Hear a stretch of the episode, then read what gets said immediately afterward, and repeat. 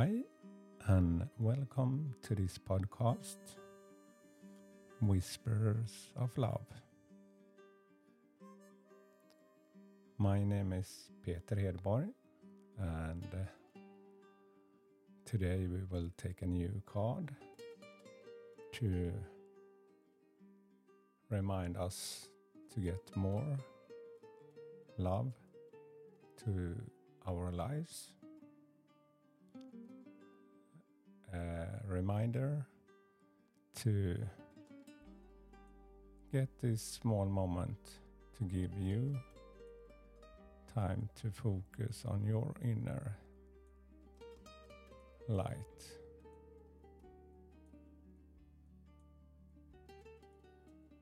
I'm sitting here in Gottskär in my small sea house and I have put a candle in my lighthouse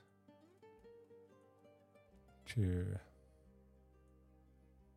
express more feelings that I can open my light.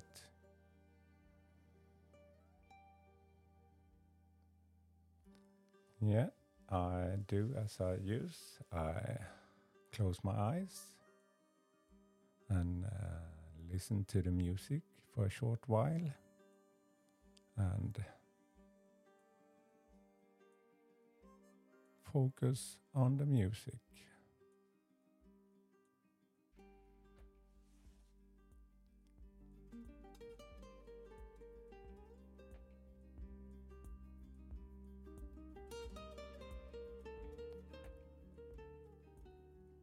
Yeah, now I have the message for this day.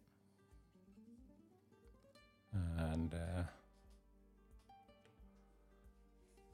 speak the language of love. Loving words has the power to change lives, including your own. Yeah, that is true. Because when I think about how I feel when somebody is telling me some loving words, how it affects on me is the same how I can do for my surrounding. Yes, a very nice card. it's like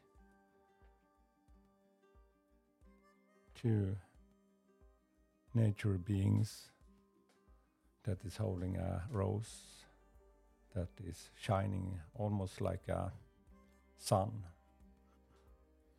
On that, it's a dragon. A dragon is a, for me as a protector.